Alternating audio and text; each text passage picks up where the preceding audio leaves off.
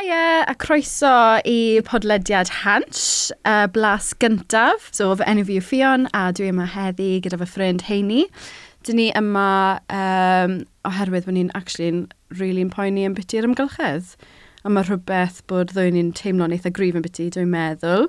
So, dyn ni'n mynd i siarad yn byty lot o pethau heddi ynglyn ar um, hinsawdd, protestiau a sut i safio'r byd ie, yeah, dwi nawr yn gweithio yn freelance, um, ond mae rhan fwy o'r gwaith fi'n neud um, fel arfer i'r sector yn y hinsawdd neu um, iechyd meddwl, um, ond ie, yeah, fi wedi bod yn gweithio yn newid hinsawdd am amser sbel, yn byw beth i ti, heini. So ie, yeah, dwi'n gweithio i WWF ar hyn o bryd, sef yr elusen cadwraeth byd eang, a nid y wrestling. Felly, ie, yeah, mae lot o'r rôl yna yn gweithio o fewn y rhan cyfarthrebu. Felly, yn siarad gyda ein cyfnogwyr a sicrhau bod y neges allan yna i bobl yng Nghymru ynglyn â effeithion newid hinsawdd a beth sy'n digwydd gyda'r amgylchedd ar hyn o bryd ac am um, golled natur yn bennaf. Mm. Yeah. Masif. Ie, yeah. mae fe bron fel mae'r problemau jyst ddim yn stopio dyn. So ni di cyrdd, pam ni'n gweithio i WWF, ages yn ôl, o'n i wedi dechrau wneud um, gwaith um, awr ddeiar.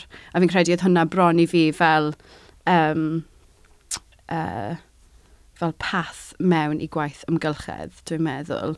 Achos cyn ni, o'n i'n um, yn prifysgol a wneud um, ffotograffi, a ni wastad moyn wneud pethau oedd yn wneud fel gwaniaeth. So pam ni dechrau WWF, fi'n credu'r rheswm o'n i wedi moyn neud na, achos ni wastad yn gweld fel y lluniau amazing ma, a fel really heartbreaking mm. um, images a footage o llefydd fel y draws y byd, a ni'n meddwl, fi moyn bod yn un o'r pobl na.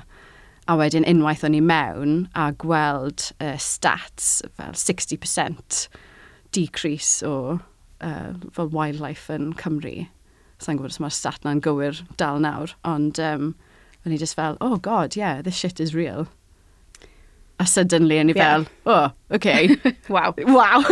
yeah. Bydde fe'n gred fel y breuddwyd bydde wedi bod i gweithio tu allan fel wneud gwaith cydwraeth. Yeah. Ti'n bod achub rhinos actually allan yn Africa neu rhywbeth. Don't ond... we all want to do that. yeah.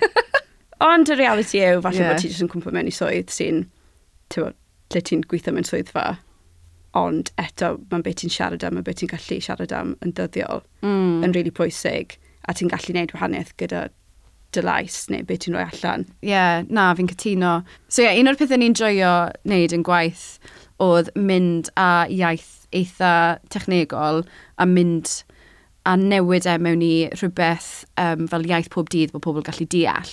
So either fel troi fe mewn i tweet neu rhywbeth social media neu rhywbeth byddai pobl yn gallu um, defnyddio mas ar social media. Ti'n credu bod hwnna'n rhywbeth bwysig i wneud ydy e hyn? Ie, yeah, mae'r cyfryngau cymdeithasol mewn social media mor pwerus na'r... Mm. A dyna lle mae rôl i chwarae gyda sefydliadau fel WWF a sefydliadau gwyddonol i roi'r gwybodaeth cywir yna allan. Be'n gwmwys sy'n digwydd i'r blaned fel, a be mae pobl yn gallu gwneud amdano fe, dyna lle mae yeah. cyfryngau cymdeithasol yn rili really pwerus yw pan mae pobl yn cymryd y gwybodaeth yna ni wedi gweld y gyda Greta. Mm. Mae hi'n... Mae'r ffeithiau mae hi'n jyst gallu dod mas a, a ffordd mae'n siarad am oedran hi. Fi'n yeah. credu bod y fath o gwybodaeth mae hi wedi cael access i naill yeah. addysg neu social media neu bod, just y we. Yeah. Yn really helpu pobl ifanc i cael pwer yn be maen nhw'n dweud. So oedd Greta Thunberg wedi dechrau fel un person tu fas o'r Llywodraeth yn Sweden ag ydi, a oedd hi wedi troi hwnna mewn i movement masif o pobl ifanc yn dod i gilydd. So ie, yeah, wel, mae'n dyngos faint mae un person gallu gwneud newid, really. Ie, yeah, mae profil hi, a dwi'n gobeithio bod pawb erbyn nawr sy'n clywed amdano Greta. Mm mae profil wedi bod yn enfawr a mae wedi cael y platform yma i siarad yn fel UN conference a mm. i gwleidyddion sydd reit ar y top. Yeah. Ond hefyd mae'n gallu, mae plant yn gallu cydnabod ydi. Mm. Mae'n eitha, gan bryd, mae dal yn plentyn. O di. A mae um, pobl yn anghofio na rhywbeth. Ie, yeah, a mae jyst yn anhygol be mae di. Y mm. symudiad yma mae hi wedi creu yeah. o plant o bob oedran yn ymuno gyda hi ti'n bod ar, naill ar ddydd Gwener mm. i protestio tu allan i ysgolion neu i swyddfeidd cyngor lleol neu llywodraethol. Mm. A mae hwnna wedi symud mewn i fel y streicio yma. Yeah. A plant yn cymryd i stryd. Literally ar draws y byd. Ie. Yeah. yeah. Sydd wedi bod yn anhygoel. Ie. Yeah. A ni'n gweld hwnna wedyn yn lledu i fel y mudiad yma o pobl ifanc sydd yn, ddim yn poeni am mynd lan i oedolion a yeah. gweithio nhw be'n gwmwys yw'r sefyllfa. Ie, yeah. um, fel ti'n gweud, y, y, y pwer, y um, confidence really, gweud, ti'n gwybod, fi'n deall beth sy'n mynd mlaen, this is my future, sa'n hoffi beth fi'n gweld ar y funud, so fi'n mynd i mynd mas a defnyddio llais fi. Mae hwnna'n rhoi siwg o mynd o fel egni fi'n credu nhw i gyd dod at y gilydd, achos people in, power in people. A fi'n credu bod fel fi wedi gweld gwahaniaeth masif jyst yn gweithio yn y sector yn fel 8 blynedd, 9 blynedd nawr. A fel ar y dechrau, dde bron fel, o ti'n desbret i pobl gryndo i ti a gweud fel, dyma beth sy'n digwydd pam sych chi'n gryndo. A nawr mae literally cannoedd o pobl ifanc just swarming the streets. So mae fe'n rhywbeth i fi anyway, fi'n just yn dwlu gweld e, mae fe'n rhoi sense o um, sa'n gwybod, mae fe'n real hope, mae fe'n actually'n hala fi'n eitha emotional rhoi wrthau pan fi'n gweld e. Yeah, definitely. Yeah, mae fi, fi just, yeah, fi mor proud. A fi just yn meddwl, os mae unrhyw un yn gallu neud e, nhw, nhw sy'n mynd i neud e. Mae pobl yn gwrando iddyn nhw fyd, felly ni wedi gweld gweithrediad oherwydd mm. fath o streiciau yma. Yeah. A nid yn unig y plant, ond streiciau o fel Extinction Rebellion a grwpiau eraill, grwpiau mm. natur lleol, grwpiau cymunedol, yeah. mae ma nhw gyd yn hybu gilydd a ni'n gweld fwy a fwy o gweithgaredd, fwy o streiciau, just fwy ym ymlaen mm. ar draws Cymru a'r Denos Unedig. Yeah. Mae pobl eisiau gweld rhyw fath o newid neu bod, rhywun yn dweud bod nhw'n gwrando, bod nhw'n mynd i weithredu. Yeah. Yeah. A bod nhw'n gwrando ar gofynion pobl, achos dyna be mae lot o hwn yn dod lawr i, yw'r ffaith bod pobl yn gofyd am dyfodol plant nhw neu dyfodol nhw os bod nhw'n plentyn yn yeah. mynd allan ar y stryd. So mae Extinction Rebellion wedi gwneud rhywbeth eitha diddorol fi'n credu. Mae nhw yn grŵp eitha radical, um, civil disobedience. Um, so yeah, mae nhw wedi kind of just wedi mynd yn wild dros Prydain, really, nid nhw yn neud protests um, fel arfer yn bloceido um, rhewlydd, either yn Cydydd neu Llundain, so ar draws y lle. So ie, yeah, fi wedi bod i'r protest yn Cardydd, dwi heb bod lan i Llundain, ond um, ond ie, yeah, fi'n credu bod beth maen nhw'n wneud yn eitha controversial. Um, ond mae rhaid gweud bod e'n gweithio, achos ti'n gweld EXA, Extinction Rebellion, um, yn y media, ar draws y media gyd, um, yn y newyddion. So ie, yeah, maen nhw'n neud rhywbeth yn iawn, dwi'n meddwl. Ie, yeah, a mae'r coverage bod yn dda ac yn gwael. Mm, yeah. Ond maen nhw, sneb yn gallu gweud bod nhw ddim yn cael y neges ar draws. Ie, yeah, ie, yeah, yn gwmwys. A fi'n credu bod nhw wedi rhoi rhywbeth i pobl bod grwpiau arall heb wneud. Rhywbeth um, ti'n gwybod, ti'n gallu mynd yn involved gyda os ti'n moyn ti'n gwybod, ar, ar different levels. So ti'n gwybod, mae rai pobl jyst yn dod i'r protest yma jyst i, i, i mynd ymlaen a gweld beth sy'n digwydd. Actually, fi'n credu bod nhw'n wedi gwneud e'n eitha accessible i pawb, a mae rhyw fath o fel family-friendly field efo hefyd. Bod, a pam fi wedi bod i nhw, ti'n gwybod, mae plant bach i gael na, mae play areas, mae teuluoedd jyst yn cael fel picnic yn y cornel. A ti'n meddwl, hold on a minute, ydy fi mewn protest i'r ymgylchedd neu ydy hwn yn just fel parti i pawb? Ond, um, ond ie, yeah, so fi'n credu bod nhw wedi agor y drws i lot o pobl i mynd mewn i'r fel activism route. Achos fi'n credu oedd fel gap in the market bron i pobl ifanc um, especially fi'n credu, achos oedd y bron fel, oedd pethau um, fel newid hinsawdd wastad wedi edrych fel o rhywbeth i middle-aged white people. Ti'n gwybod, a mae'r ma, r, ma r, um, argument na dal yn mynd mlaen nawr, uh, rightly so, ond um, fi'n credu oedd eisiau rhywbeth newydd i digwydd a fel platform i tynnu pobl ifanc lan a gweud fel, na, ni dy, hyn, ni dy gilydd yn hyn, mm. a ni'n mynd i wneud rhywbeth eitha radical a fi'n credu na beth o'n i wastod yn edrych am pan o'n i'n tyfu lan. Achos o'n i wastod yn teimlo fel o'n i ben fi hunan, actually, os ni'n mynd i cael newid iawn i digwydd, so fe'n mynd i digwydd fel unigolion. Ti'n gwybod, mae popeth ni'n gallu wneud gytre neu uh, dewisiadau neu newidiadau ni'n gallu wneud fel unigolion, ond actually, os ni'n moyn gweld rhywbeth mawr yn digwydd, mae rhaid i ni gweithio dy gilydd, and it's gonna only happen with mobilisation, dwi'n meddwl anyway. A fi'n credu bod Extinction Rebellion wedi gwneud rhywbeth eitha uh, impressive i cael, i cydweithio gyda siwcw mynd y pobl i dod â gilydd. Ond, ie, uh, yeah, sa'i byth wedi gweld Cardydd fel o'n i wedi gweld e pan o'n i wedi stopo'r traffic ar Castle Street. So, ie, yeah, ond on, to fel rhywbeth, mae fe bron fel festival film, oedd e mor fel, yeah, mae'r egni'n mor... mor Um, Mae'r egni positif yna wneud yeah. wahaniaeth. Yeah. A na'r peth, fi'n credu bod, ti'n gwybod y ffact nawr bod da ni climate emergency, fi'n credu bod um, y iaith maen nhw'n defnyddio, actually, achos ni wastad wedi gweud fel climate change, climate blah blah blah, ond nawr mae fe fel climate crisis, climate emergency, mae fe'n really, mae'r ma, geiriau maen nhw'n defnyddio, dwi'n meddwl, yn fel really yn rhoi'r um, neges ar draws bod hwn, mae'n rhaid wneud rhywbeth nawr, achos fi'n credu, ni wastad yn meddwl, o, oh, yn y dyfodol, bydd rhaid i ni wneud hyn, neu, ti'n gwybod, tro nesaf fi'n mynd siopa, bydd rhaid i fi mynd â bag ail defnyddiol, neu, um, ti'n gwybod, mae fe wastad fel, o, oh, pam byddai'n wneud hyn yn y dyfodol, ond actually mae fe fel nawr reit nawr, mae rhaid i ni wneud rhywbeth nawr. Ie, yeah, mae'r iaith rili really di newid. Mm. A ni'n mm. gweld hwnna dros sector ti'n bobl yn y cyfryngau fyd, maen nhw di newid yeah. y ffordd maen nhw'n siarad amdano'r hinsawdd. So, mm. yeah, ar gyfyng hinsawdd, ar gyfyng natur, TikTok, mae amser yn rhedeg yeah. allan, a mae'r iaith yna'n gryf iawn o ran cyfathrebu bod ar gyfwng, mm. a bod rhaid i pawb o lywodraeth i unigolion rili really edrych ar beth maen nhw'n neud a edrych i weld beth maen nhw'n gallu newid neu beth maen nhw'n gallu gwthio i newid. Ie, yeah, mae literally ddim amser i eistedd nôl rhagor a neud i'n byd. So fe'n opsiwn.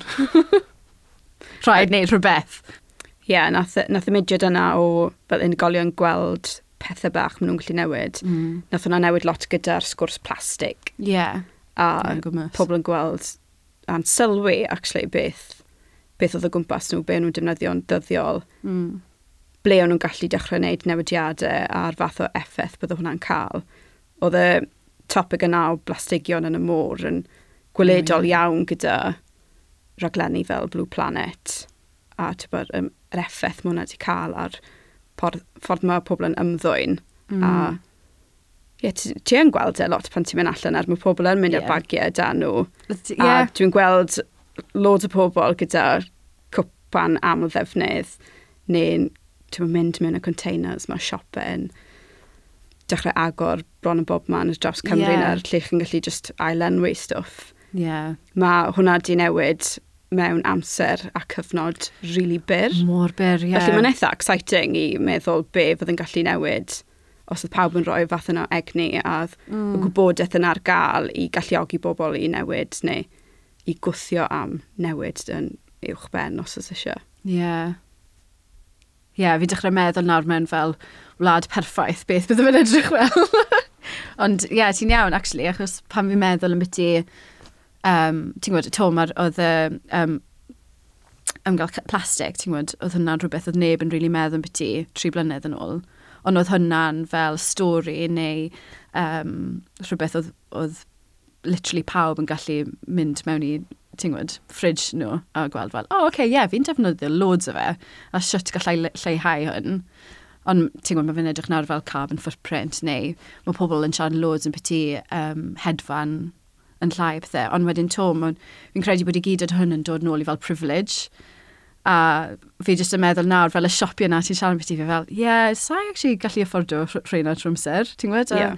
A, a fel hedfan to, ti'n gwybod, pobl sydd yn hedfan mwyaf, yw'r pobl mwyaf um, rich yn y byd. A wedyn mae fy'n just, ie, yeah, fi wrth yn teimlo fel bod e, um, bod y pobl sy'n teimlo mwyaf eog yw'r rhai sy'n probably ddim y problem. Ond, uh, ond ie, yeah. ti'n gwybod beth, mae hwnna'n rhywbeth fi'n teimlo trwy'r amser yw um, just ydy fi'n neud digon, beth ydy fi gallu neud, a, a dim teimlo bod fi yn neud digon, really, a fel um, eco-guilt, ti'n gwybod? A pob amser fi'n fi fi anghofio cwpa yn coffi fi. A fi fel, oh, shit, right. So, sa'n gallu cael coffi nawr. Na, na, literally ddim yeah, cael coffi. A fi ddim yn cael coffi. Ond mae fe fel, ti'n gwybod, mae lot o pethau fi'n credu ni fel igolion yn teimlo'n really wael am wneud a fel cael equal guilt na. Ond, um, ond ie, yeah, fi'n credu bod mae'r ma kind of action, in, actions in, unigolion na wedi bod yn digwydd yn mor hir nawr bod rhaid gweld mwy yn digwydd o fel top level, mwy o newidiadau yn, yn dod trwyddo, fi'n credu. Achos fi'n, i bod yn onest, fi'n teimlo'n really sick o bod yn guilty am beth i fel fi'n byw bywyd fi. Ti'n gwybod, fi'n trial mor galed, a fi'n credu bod lot o pobl nawr yn trial yn really galed i, i wneud newidiadau bach i bod yn mwy eco-friendly neu mwy yeah. sustainable. A fi'n credu bod hwnna'n amazing, a mae rhaid i fi, ti'n gwybod, fel ti'n gweud, mae rhaid i ni gyd wneud rhywbeth positif, ond actually fel pryd yn ni'n gweud, right, mae'n yn digon nawr, rhaid i'r 1% dechrau shifto. So Fion, beth yw'r 1% yma? So mae'r 1% yn basically yn cynrychioli'r pobl sydd gyda'r mwyaf o'r arian yn y byd. So nhw yw'r billionaires, nhw sy'n perchyn y y cwmnïau enfawr yma, nhw sydd gyda'r pwer. Fel un o'r 99% arall, ti'n gwybod, fi'n trial wneud, a mae lot yn ni'n trial wneud yn gorau i wneud newidiadau positif i'r byd, ond os ni'n mynd i gweld newid mawr yn digwydd, mae rhaid i'r 1% na um, edrych ar beth maen nhw'n wneud fel unigolion. Ti'n gwybod? nhw sy'n biar rhan fwy o'r weld, so mae rhaid i nhw wneud newidiadau sydd yn mynd i triclo mas i pawb arall wedyn. A fi'n credu bod e'n rhoi pwer mewn dina'n pam ti'n meddwl, oce, okay, mae rhain yw'r pethau fi gallu newid, a fi'n mynd i wneud gore fi. Ond actually, rhai weithiau fi jyst yn meddwl, os, os yna rhywbeth mwy ydyn ni'n gallu wneud, ti'n gwybod? So ni wedi clywed yn ddiweddar fyd bod y canran o bobl sydd wedi cyfrestru bleidleisio mm -hmm. eleni, pobl sydd rhwng fel 18 a 30, di bwmio. Bwmio. Bod fwy o pobl yn, yn yr oedran yn y bracyd yna di cyfrestru yeah. i bleidleisio. Felly mae, falle bod y symudiad yma yn cael effaith ar y ffaith bod pobl eisiau defnyddio llais nhw, y pleidlais nhw i gweld newid. Ie. Yeah. Ie, yeah, bendant. A na'r peth fi'n credu bod e mor bwysig i cadw'r egni na o defnyddio llais ni i wneud gwaniaeth positif i'r byd. So, mae wedi yn diddorol hefyd i weld bod y canran o bobl, yn wedi yn y cyfnod yma lle ti'n mynd i gweld lot bod pobl yn anghytuno ar lot o bethau. Mm. Brexit yn un ohonyn nhw, ond mm. yn hmm. anghytuno ar lot o bethau. Bod hinsawdd ar, ar gyfwng, hinsawdd ar gorfodaeth nawr sydd dan ni i daclo hwn yn un peth sy'n un o pobl a bod canran enfawr o pobl yn cytuno bod angen gweithrediad ar daclo'r argyfwng hinsawdd. Felly mae hyd yn oed y ffaith bod y gwleidyddion nawr yn trio ennill pleidlais ni gyda addo i wneud pethau i daclo'r argyfwng hinsawdd yn mm. dangos bod ni'n gallu wneud newid. A mae'n neis hefyd i meddwl bod i gyd o'r amser ar egni a'r um, protestio yna yn actually'n falle wneud gwaniaeth. Mae hwnna'n falle wedi dod o'r ffaith bod ni gyd wedi cydweithio dy gilydd a codi ein lleisiau a gofyn am rhywbeth, ti'n gwybod, am dyfodol well i ni gyd. A fi'n credu bod hwnna'n bwysig i cofio bod llais ni gyd yn really yn pwerus iawn. Fi'n credu bod hwnna'n really exciting i feddwl yeah. be gall popeth edrych fel mewn yeah. deg mlynedd. So ie, yeah, fi'n credu ni wedi siarad am eitha lot o pethau heddi. Gallwn ni siarad am byth, really. Ie, yeah. ond fi'n siŵr neif y sgwrs yma cario ymlaen. Nid wedi gyda popeth sy'n mynd ymlaen yn y byd tu allan. Mm. Ond byddai'n rili really diddorol glywed be mae pobl arall yn meddwl am y pwnc yeah. yma. Ie, yeah, yn bendant. Mae'r sgwrs ddim yn bennu fan hyn. Byddai'n rili really diddorol i gweld beth mae pobl arall yn meddwl, actually. So yes, mae diddordeb dych chi yn beti beth ni wedi bod yn siarad am. Mae loads o wybodaeth nawr ar-lein. Um, so ie, yeah, falle wneud bach o ymchwil os mae rhywbeth bych chi ddim yn siŵr yn beti. Lot o pwyntiau a pwnciau ni wedi siarad yn beti heddi, so falle chi moyn ffindio bach mwy mas yn beti fe. Popeth mas na, dyddiau hyn. Mae popeth mas na. A ewch allan ni gael trafodaeth gyda'ch ffrindiau, tyluodd, ti'n gweld gweb nhw'n meddwl, cael y sgyrsiau yma mewn person fyd. Ie. Yeah. So ie, yeah, diolch yn fawr am wrando. Cofiwch dan ysgrifo i bodlediadau Hansh. A cofiwch i ddilyn Hansh ar y cyfryngau cymdeithasol. Ta-da! Ta-da! Tro!